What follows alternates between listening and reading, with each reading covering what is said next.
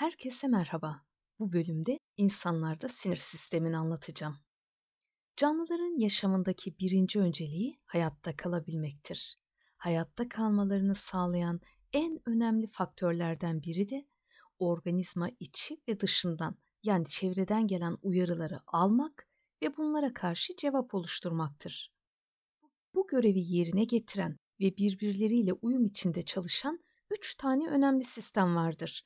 Bunlar sinir sistemi, hormonal sistem ve duyu organlarıdır. Bu bölümde sinir sistemini anlatacağım. Sinir sistemi görevini nöron dediğimiz sinir hücreleriyle yapar. Tabi bunun için milyarlarca nöron görev yapar. Nöronlar özelleşmiş hücrelerdir. Bir nöron hücre gövdesi, dendrit ve akson olmak üzere üç kısımdan oluşur. Hücre gövdesi mitokondri, ribozom, endoplazmik retikulum gibi organellerin ve çekirdeğin bulunduğu kısımdır. Dendritler gövdeden çıkan çok sayıdaki kısa uzantılardır.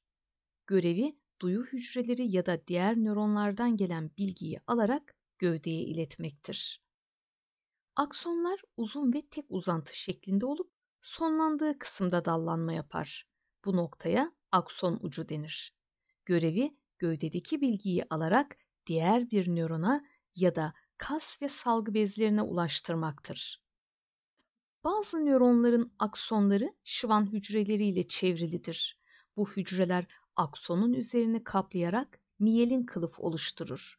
Bu kılıf lipoprotein yapıdadır. Miyelin kılıf elektriksel yalıtım sağlayarak uyartıyı daha hızlı iletir. Ayrıca nöronlara yapısal desteklik de sağlar.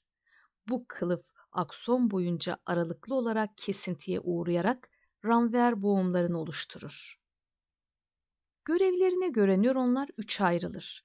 Bunlar duyu nöronları, ara nöronlar ve motor nöronlardır. Duyu nöronları diğer adıyla getirici nöronlar, iç ve dış çevreden aldığı uyarıları uyartı şeklinde merkezi sinir sistemine iletir. Bu nöronların dendritleri reseptör yani alıcı hücre, aksonları ise diğer nöronlarla bağlantılıdır. Sadece duyu nöronu zarar gören bir kişide uyarı duyu organından merkezi sinir sistemine iletilemeyeceği için kişinin eli yansa bile sıcaklık hissetmez. Ancak ara nöronlardan motor nöronlara ve motor nöronlardan da kasa uyartı iletileceğinden elini oynatabilir. Lokal anesteziyi de bu duruma örnek olarak verebiliriz. Ara nöronlar, diğer adıyla bağlayıcı nöronlar, merkezi sinir sisteminde bulunur, duyu ve motor nöronlar arasındaki bağlantıyı sağlar. Duyu nöronunun getirdiği bilgileri değerlendirir ve oluşturduğu cevabı motor nörona iletir. Sadece ara nöronu zarar gören bir kişide uyarı merkezi sinir sistemine getirilse bile değerlendirilemez. Kişinin eli yandığında sıcaklık hissini algılamaz ve tepki oluşturmaz. Felç durumunda buna örnek olarak verebiliriz. Motor nöronlar, diğer adıyla götürücü nöronlar, beyin ve omuriliğin oluşturduğu cevapları alarak ilgili kas ya da salgı bezlerine iletir. Bu nöronların dendritleri diğer nöronlarla, aksonları ise tepki organlarıyla bağlantılıdır. Merkezi sinir sisteminde değerlendirilerek oluşan cevabın iletildiği kas ve salgı bezi gibi organlara efektör diyoruz. Sadece motor nöronu zarar gören bir kişide uyarı duyu nöronuyla ara nörona getirilir ve değerlendirilir. Fakat değerlendirme sonucu tepki organına iletilemez. Bu nedenle eli yanan kişi acıyı hisseder ama elini çekemez. Botoks uygulamaları bu duruma örnek verilebilir. Botoks uygulanan bölgede motor sinirler çalışmaz. Şimdi de impuls yani uyartı nasıl oluşur ve nasıl iletilir inceleyelim. Öncelikle reseptör, uyarı ve uyartı kavramlarını açıklayalım. Canlıların çevresindeki ışık, ses, sıcaklık gibi uyaranları alan duyu organlarındaki özelleşmiş hücrelere reseptör, diğer adıyla alıcı hücreler diyoruz. Uyarı bir reseptör tarafından algılanan ışık, ses, sıcaklık, nem, basınç, ağrı gibi etmenlerin tamamıdır. Uyartı ise uyarıların nörona geçtikten sonra burada oluşturdukları elektriksel ve kimyasal değişikliklerdir. Bir nöronda impuls iletim yönü daima dendrit, gövde, akson şeklindedir. Yani daima bir nöronun aksonuyla diğer nöronun dendriti bağlantı sağlar. Bir nöronda impuls oluşabilmesi için gerekli olan en düşük uyarı şiddetine eşik şiddeti ya da eşik değeri denir. Bu değerin altındaki uyarılar impuls oluşturamaz. Eşik değerin üstündeki uyarılardaysa nöronlar aynı şiddette cevap verir ve impulslar aynı hızla iletilir. Buna ya hep ya hiç kuralı denir. Bu kural yalnızca bir nöron için geçerlidir. Sinir demetleri için geçerli değildir. Sinir demetleri ya da bir kas demeti için merdiven etkisi prensibi geçerlidir. Çünkü demetteki her sinir telinin uyarılması için gerekli olan eşik değeri aynı değildir. Uyarı şiddetinin artışına bağlı olarak tüm sinir telleri uyarılıncaya kadar sinir demetinin tepkisinin artmasına merdiven etkisi diyoruz. Tüm sinir telleri uyarıldıktan sonra uyarı şiddeti artırılsa bile verilen cevap değişmez. Bir nöronda uyarının şiddeti ve etki süresi impuls iletim hızını etkilemez. Nöronlardaki impuls iletim hızını etkileyebilecek faktörler şunlardır. Birincisi aksonun miyelinli olup olmaması. Miyelinli ise iletim daha hızlıdır. İkinci olarak ranver boğum sayısı. Sayı ne kadar azsa iletim o kadar hızlıdır. Çünkü bu boğumlarda miyelin kılıf yoktur. Bir diğeri de aksonun çapıdır.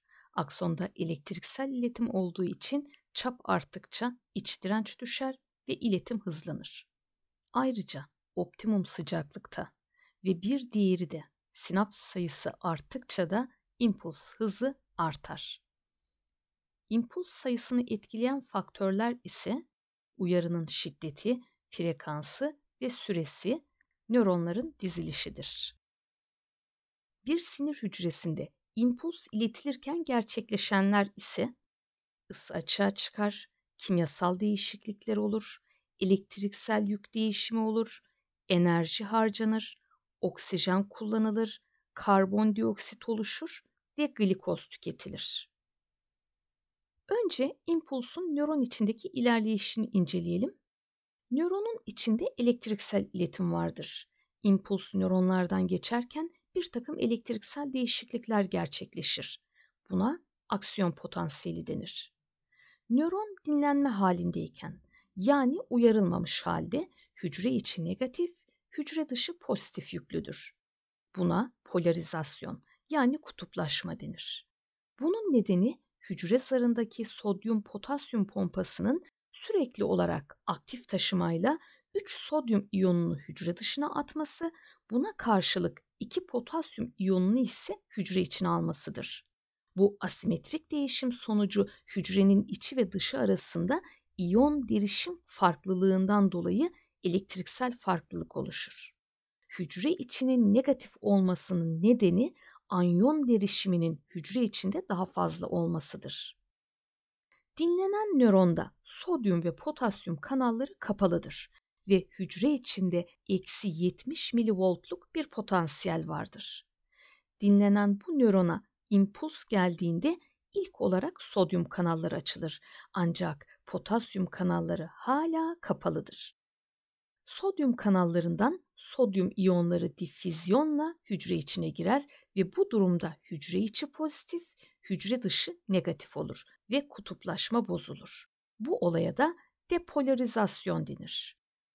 Bu evrede hücre içinin hücre dışına göre elektriksel güç değeri artı 40 milivolttur.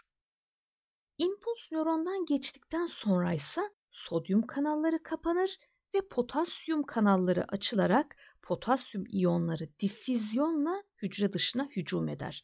Bu iyon geçişiyle hücre içi tekrar negatif, hücre dışı pozitif yüklenir. Bu duruma repolarizasyon denir.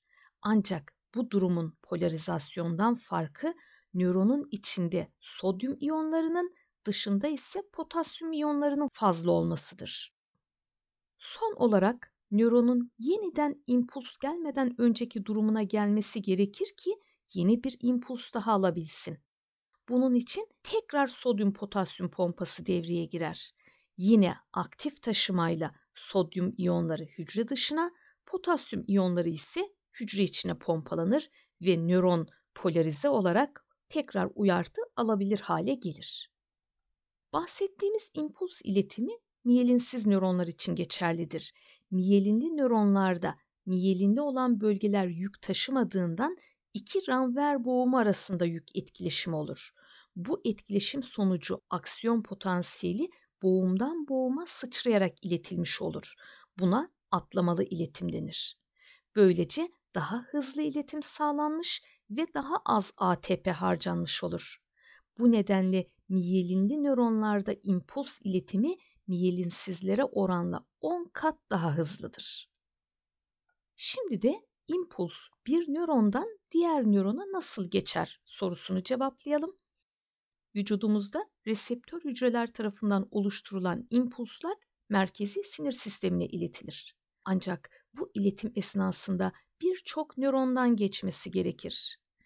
Bir nöronun akson ucuyla uyartının geçeceği diğer nöronun dendriti arasında kalan bölgeye sinaps denir.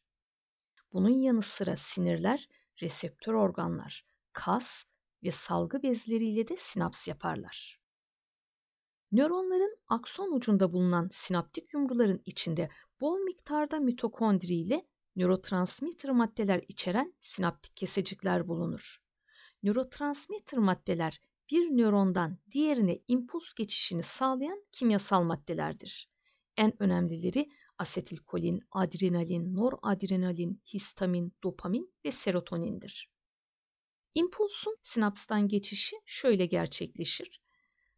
İmpuls akson ucundaki sinaptik yumrulara gelince kalsiyum iyonlarının da etkisiyle buradaki sinaptik kesiciklerden sinaps boşluğuna egzositoz yoluyla nörotransmitter maddeler salınır. Bu maddeler diğer nöronun dendritine ulaşır ve o hücrenin sodyum kanalı olan reseptörleri uyarır.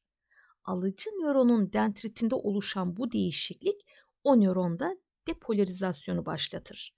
Bu şekilde impuls aynı şiddet ve özellikte nörondan nörona geçerek merkezi sinir sistemine kadar ulaşır.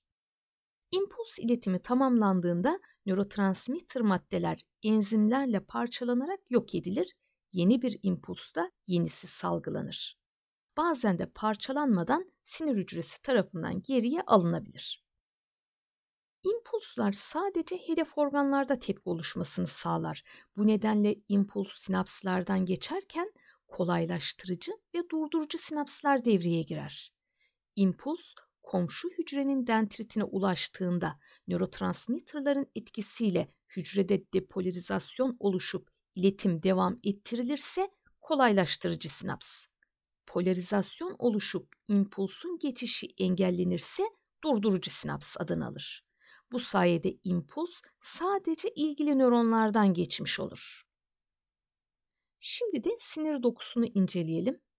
Sinir dokusu nöronlar ve nöronları destekleyen nöroglia hücrelerinden oluşur. Nöronlarda sentrozom bulunmaz. Bu nedenle bölünme yeteneklerini yitirmiştir. Ancak nöroglia hücreleri mitozla bölünüp çoğalabilir. Nöroglia hücrelerinin görevleri nöronlara destek olmak ve onların beslenmesini sağlamak, miyelin kılıf oluşturmak, ortamın iyon derişimini kontrol etmek, ara madde oluşumunu sağlamak ve sinir sistemini hastalıklara karşı korumak ve savunmaktır. Bu hücreler oligodendrositler, şıvan hücreleri, astrositler, ependim hücreleri ve mikroglia hücreleridir. Şimdi bu hücrelerin bulunduğu yer ve temel işlevlerine bakalım. Sadece şıvan hücreleri çevresel sinir sisteminde, diğerleri merkezi sinir sisteminde bulunur. Görevleri ise oligodendrositler ve şıvan hücreleri miyelin kılıf oluşturarak elektriksel yalıtım sağlar.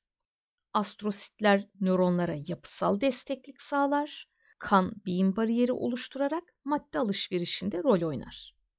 Ependim hücreleri merkezi sinir sisteminin boşluklarını örter. Mikroglio hücreleri ise sinir doku içinde hücresel savunma oluşturarak hastalıklara karşı koruma görevi yapar. Nöronlar ve diğer bahsettiğimiz sinir doku hücreleri birlikte sinir sistemini oluşturur. Sinir sistemi yapısal ve işlevsel olarak iki bölümde incelenir. Bunlar merkezi sinir sistemi ve çevresel sinir sistemidir. Merkezi sinir sistemi ikiye ayrılır. Beyin ve omurilik. Beyin üç bölümde incelenir. Ön beyin, orta beyin, arka beyin. Ön beyin iki kısımdan oluşur. Uç beyin, ara beyin. Ara beyin, talamus, hipotalamus ve epitalamustan oluşur. Arka beyin üç bölüme ayrılır. Beyincik, omurilik soğanı ve pons. Omuriliğin bölümleri yok. Çevresel sinir sistemi ise somatik ve otonom sinir sistemi olarak iki bölümden oluşur. Otonom sinir sistemi de sempatik ve parasempatik sinirler olmak üzere iki bölümde incelenir. Şimdi bu sistemleri açıklayalım. Merkezi sinir sistemi vücut içi ve dışından gelen bütün impulsları kontrol eden, değerlendiren, yorumlayan ve yönlendiren kısımdır. İki bölümden oluşur. Bunlar beyin ve omuriliktir. Her iki yapı da üç katlı zarla çevrili olup bu zarlara meninges zarları denir. Meninges dıştan içe doğru sert zar, örümceksi zar ve iç zar şeklinde sıralanır. En dıştaki sert zar bağ dokudan yapılıdır. Görevi beynin kafatası içindeki hareketini engelleyerek ve mekanik desteklik sağlayarak beyni korumaktır. En içteki ince zar ise bol miktarda kan damarları bulundurur ve beyni besler. Bu iki zarı bağlayan aradaki örümceksi zar ise süngerimsi aralıklara sahiptir. Bu aralıklarda kısaca BOS adını verdiğimiz beyin omurilik sıvısı vardır. Beyin omurilik sıvısı sürekli olarak salgılanan bir sıvıdır ve çok önemli görevleri vardır. Bunlardan ilki beyin ve omuriliği vurma, çarpma gibi darbelere karşı korumak, diğeri kan ve sinir hücreleri arasında alışverişi sağlamak, bir diğeri de merkezi sinir sisteminde iyon derişiminin dengede kalmasını sağlamaktır. Beyinle devam edelim. Beyin üç kısımdan oluşur. Bunlar ön beyin, orta beyin ve arka beyindir. Ön beyin beynin en büyük bölümüdür. Uç ve ara beyin olarak iki bölümden oluşur. Uç beyin önden arkaya doğru derin bir yarıkla iki yarım küreye ayrılmıştır. Yarım küreler üstte nasırlı cisim, altta beyin üçgeni ile birbirine bağlanırlar.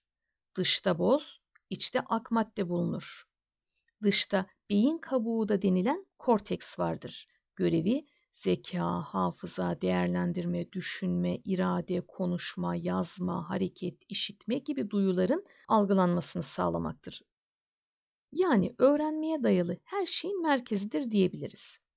Beyin yarım kürelerinde çok sayıda içeriye doğru girintiden oluşan yarıklar bulunur. Bunlardan en derin olanı Rolando yarığıdır. Bu yarık beyin yarım kürelerini enine ayırır. Beyin kabuğu çıkarılan bir kuşun itilirse yürüyebildiği, uyarılmadıkça uçamadığı, havaya atılırsa uçabildiği, açlık hissetmediği, dış tepkilere duyarlı olmadığı görülmüştür. Ara beyin, beyin yarım küreleri arasında kalan bölümdür. Talamus, hipotalamus ve epitalamustan oluşur. Talamus koku dışında tüm duyusal uyartıların ilk önce geldiği ve buradan duyu merkezlerine dağıtımının yapıldığı yerdir. Koku ise doğrudan korteksteki duyu merkezine ulaşır ve her kokuya özel bir kodlamayla koku belleğine işlenir. Bu merkezdeki bilgiler diğer algılara göre daha uzun süre saklanır. Uyku halinde talamus ve beyin kabuğu işlevsizdir. Hipotalamusun görevlerine bakalım. Hipotalamusun oldukça fazla ve çok önemli görevleri vardır. Bunlar karbonhidrat ve yağ metabolizmasını düzenlemek, vücudun su ve elektrolit dengesini ve idrar oluşumunu düzenlemek, vücut ısısını sabit tutmak, kan basıncı ve kalp atış hızını düzenlemek, açlık tokluk hissini ayarlamak, günlük ritim, iştah ve uykuyu düzenlemek, salgıladığı relaktin faktör aracılığıyla hipofiz bezinin çalışmasını denetlemek, eşeysel yönelim ve olgunlaşmayı sağlamak. İşte hipotalamus saydığımız bu kadar çok görevlerin toplamıyla vücudun otonom sinir sisteminin ve buna bağlı olarak da vücudun iç organlarının kontrolünü sağlayarak organizmanın homeostazi dediğimiz iç dengesinin korunmasında oldukça önemli rol oynar. Epitalamusun görevi ise melatonin hormonu salgılayan epifiz bezini bulundurmasıdır. Epifiz bezinin diğer adı pineal bezdir. Bu hormon biyolojik saati düzenler, gece salgılanır. Bir diğer görevi de erken ergenliği önlemesidir. Gelelim orta beyine. Ara beyinle beyincik arasındadır. Orta beyin görme ve işitme ile ilgili bazı refleksleri düzenler. Örneğin göz bebeklerinin karanlıkta büyüyüp fazla ışıkta küçülmesini kontrol eder. Ayrıca kas tonusu ve vücut duruşundan da sorumludur. Kas tonusu kasların dinlenirken bile hafif düzeyde daima kasılı olma durumudur. Arka beyin ise üç kısımdan oluşur. Bunlar beyincik, pons ve omurilik soğanıdır. Beyincik arka alt tarafta ve omurilik soğanının üstünde iki yarım küreden oluşur. Yine dışta boz, içte ak madde vardır. Görevi kas hareketlerini düzenleyerek vücudun dengesini sağlamaktır. Bu görevi yaparken iç kulaktan gelen uyartılar etkili olur. Ağaca benzediği için hayat ağacı da denir. Beyinciği zedelenen kuş uçamaz. Beyinciği çıkarılan bir köpek yürüyemez. Bebeklerse ancak beyincik gelişimi tamamlandığında oturup yürüyebilirler. Pons bir diğer adı Varol Köprüsü. Beyinciğin altında omurilik soğanı ve orta beynin arasında bulunuyor. Hepsi birlikte beyin sapını oluşturur. Pons, beyincik yarım kürelerini birbirine bağlar. Böylece vücudun sağ ve sol tarafındaki kasların yönetilmesini ve solunum sisteminin çalışmasına yardımcı olur. Pons, omurgalı canlılar arasında sadece memelilerde bulunur. Son beyin olarak bilinen aynı zamanda hayat düğümü de denilen omurilik soğanı beyinciğin altında omurilikle pons arasında bulunur. Burada ön beyin ve beyincikten farklı olarak dışta ak, içte boz madde bulunur. Omurilik soğanı dolaşım, solunum, boşaltım, sindirim gibi sistemlerin çalışmasını kontrol eder. Bunun yanında çiğneme, kusma, yutma, hapşırma, öksürme gibi refleks hareketlerini de kontrol eder. Bu saydıklarımız hayatsal faaliyetler olup eğer omurilik soğanı zarar görürse ölümle sonuçlanabilir. Hayat düğümü denmesinin sebebi de budur. Beyin yarım kürelerinden gelen motor sinirler omurilik soğanından çapraz yaparak geçer. Bu nedenle beynin sağ tarafı vücudun sol tarafını, beynin sol tarafı da vücudun sağ tarafını yönetir. Şimdi de merkezi sinir sisteminin diğer kısmı omuriliğe geçelim. Omurilik, omurilik soğanından başlayıp omurga kanalı boyunca uzanan kalın bir sinir demetidir. Konuya girişte zarlarından ve görevlerinden bahsetmiştim. Omurilikte de omurilik soğanında olduğu gibi dışta ak, içte boz madde bulunur. İçteki boz madde kelebek şeklindedir. Bu yapının öne bakan uçlarına ventral, diğer adıyla ön kök, arkaya bakan uçlarına ise dorsal, diğer adıyla arka kök denir. Arka kökten duyu nöronları girer, ön kökten ise motor nöronlar çıkar. Omurilikte ara nöronlar da bulunur. Omuriliğin görevleri ise şöyledir. Çevreden gelen uyartıları beyine, beyinden gelen cevapları da ilgili tepki organına iletir. Alışkanlık haline gelen hareketlerin denetimini sağlar ve refleks hareketlerini yönetir. Refleks konusunu biraz açalım. Refleks herhangi bir uyartıya verilen ani ve istemsiz tepkidir. Refleks yoluysa şöyledir. Reseptör, duyu nöron, ara nöron, motor nöron ve efektör. Refleks gerçekleşirken uyartının geçtiği iki ya da daha fazla nöronu kapsayan sinir yoluna ise refleks yayı denir. Örneğin diz kapağına vurulduğunda beyinde henüz acı oluşmadan tepki verilir. Çünkü cevap beyinde değil, omurilikte oluşturulur. Diz kapağı refleksindeki refleks yayında duyu ve motor nöron görev yapar. Refleksler iki türlüdür. Bunlar doğuştan ve kazanılmış reflekslerdir. Doğuştan olana kalıtsal refleksler de diyoruz. Kalıtsal reflekslere örnek verecek olursak diz kapağı refleksi, bebeğin emme refleksi, göz bebeklerinin ışıkta küçülmesi sayılabilir. Merkezinde omurilik vardır. Kazanılmış refleksler ise sonradan öğrenmeyle gerçekleşir.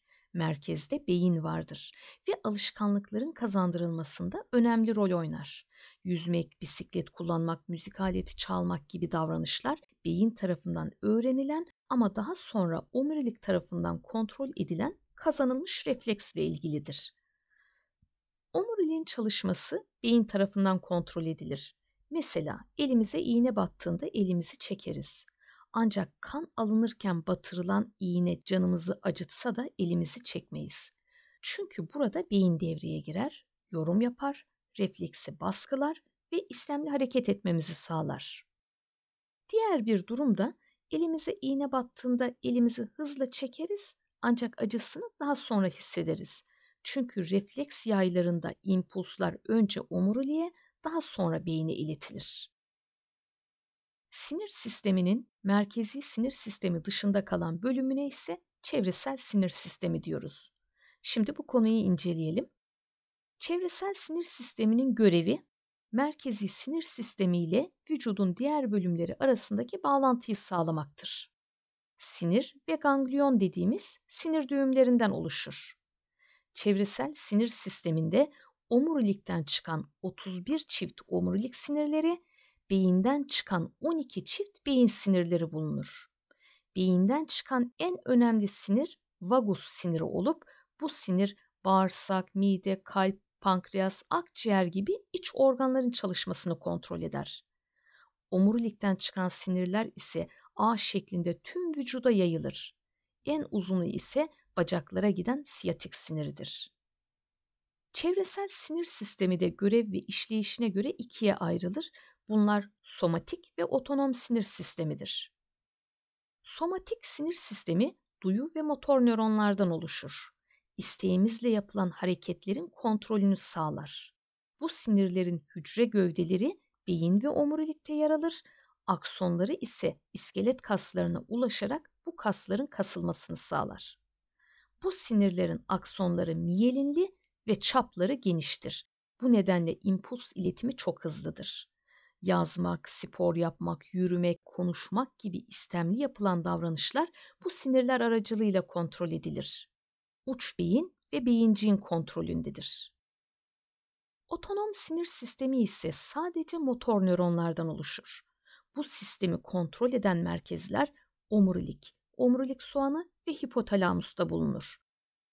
İsteğimiz dışında çalışan iç organların çalışmasını düzenler ve miyelinsiz nöronlardan oluşur. Akson çapları dardır. Bu nedenle impuls iletimi yavaştır. Otonom sinir sistemi de birbirine zıt çalışan sempatik ve parasempatik sinirlerden oluşur. Her iç organa bir sempatik bir de parasempatik sinir sisteminden bir çift sinir gider. Sempatik sinirler kan damarlarını daraltır, kalp atışını hızlandırır, bronşları genişletir, sindirim hareketlerini yavaşlatır, idrar torbasını gevşetir, göz bebeğini genişletir, tüyleri dikleştirir, tükrük bezlerini baskılayarak tükrüğü azaltır. Parasempatik sinirler ise kan damarlarını genişletir, kalp atışını yavaşlatır, bronşları daraltır, sindirim sistemi hareketlerini arttırır, idrar torbasını kasar, göz bebeğini daraltır, tüyleri yatırır, tükrük bezlerini uyararak tükrük salgısını arttırır. Bu iki sistem birbirine zıt ama dengeleyici olarak çalışır. Bu sayede de iç denge korunmuş olur. Beyin zarar görse, bilinç ortadan kalksa bile otonom sinir sistemi çalışıyorsa insanın yaşamı devam eder. Ama bu durumda hiçbir bilinçli davranış yapılamaz. Buna bitkisel hayat denir. Sinir sisteminin yapı ve işleyişindeki bazı aksaklıklar hastalıklara neden olabilir. Sinir sistemi hastalıklarından bazıları şöyledir. Multiple skleroz dediğimiz MS hastalığı. Nöronların miyelin kılıfının zedelenmesine bağlı olarak ortaya çıkar. Beyin ya da omurilik sinirlerinin zarar görmesiyle felç oluşabilir. Vücudun bağışıklık sisteminin kendi dokularına saldırdığı otoimmün bir hastalık olduğu düşünülmektedir. Alzheimer dediğimiz hastalıkta yaşlanmaya bağlı olarak unutma, zihinsel kapasitede azalma, konuşma bozukluğu, dikkatini toparlayamama gibi belirtiler görülür. Bunun da nedeni nörotransmitterlardan asetilkolin azalmasıdır. Nörotransmitterlardan dopamin eksikliğine bağlı olarak yaşla beraber gelişen bir hastalık Parkinson. Genellikle de titremeyle kendini belli eder. Epilepsi dediğimiz hastalıkta sinir hücreleri olağan dışı elektrokimyasal boşalma yapar. Yani beynin çalışması ile ilgili elektriğin aşırı ve kontrolsüz yayılımı söz konusudur. Geçici bilinç kaybı olabilir. Siyatik hastalığı var. Siyatik aslında omurilikten çıkan ve ayak baş parmağına kadar uzanan insan vücudundaki en uzun aksona sahip olan sinirin adıdır. Bu siniri ya da beldeki köklerini sıkıştıran birçok sebep ağrıya neden olabilir. Buna siyatik ağrısı diyoruz. Menenjit dediğimiz hastalığın yaklaşık %95'i 5 yaş altı çocuklarda görülüyor. Tedavi edilmezse işitme kaybı hatta beyin hasarına bağlı olarak ölüme bile neden olabilmektedir. Beyin zarlarının iltihaplanması sonucu oluşuyor. Çocuk felci ise polio virüsünün yol açtığı omurilikteki motor sinir hücrelerinin tahribatına bağlı olarak ortaya çıkıyor. Felce neden olabilir. Üst solunum yolu enfeksiyonuna benzer belirtileri vardır. Kuduz var. O da o da kedi, köpek, yarasa gibi hayvanlardan bulaşan viral bir hastalık. Virüs merkezi sinir sistemine yerleşir ve buraya zarar verir. Buna bağlı beyin iltihabı oluşur, ölümle bile sonuçlanabilir.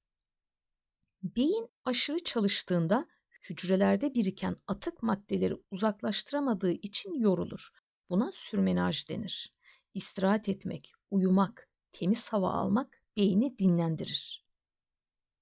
Sinir sistemi hastalıklarının bazıları kalıtsal, bazıları da çevresel faktörlere bağlı olarak oluşabilir. Bunun yanında sigara, alkol ve madde kullanımı sinir sistemine en çok zarar veren alışkanlıklardır. Bu maddelerin kullanımı sinirsel iletimi, dikkati ve refleksi azaltır, denge kaybına neden olabilir, karar verme yeteneğini azaltır. Doğru düşünebilmeyi engeller. Hatta aşırı kullanıldığında ölüme bile neden olabilir.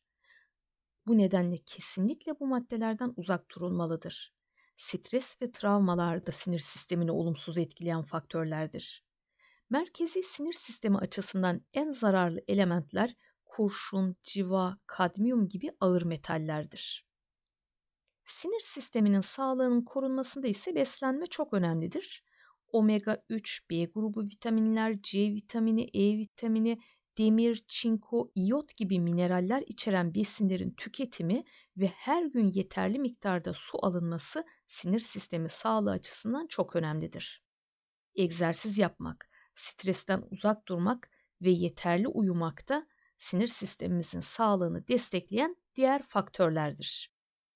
Evet, bu bölümün de sonuna geldik. Tekrar görüşmek üzere, hoşçakalın.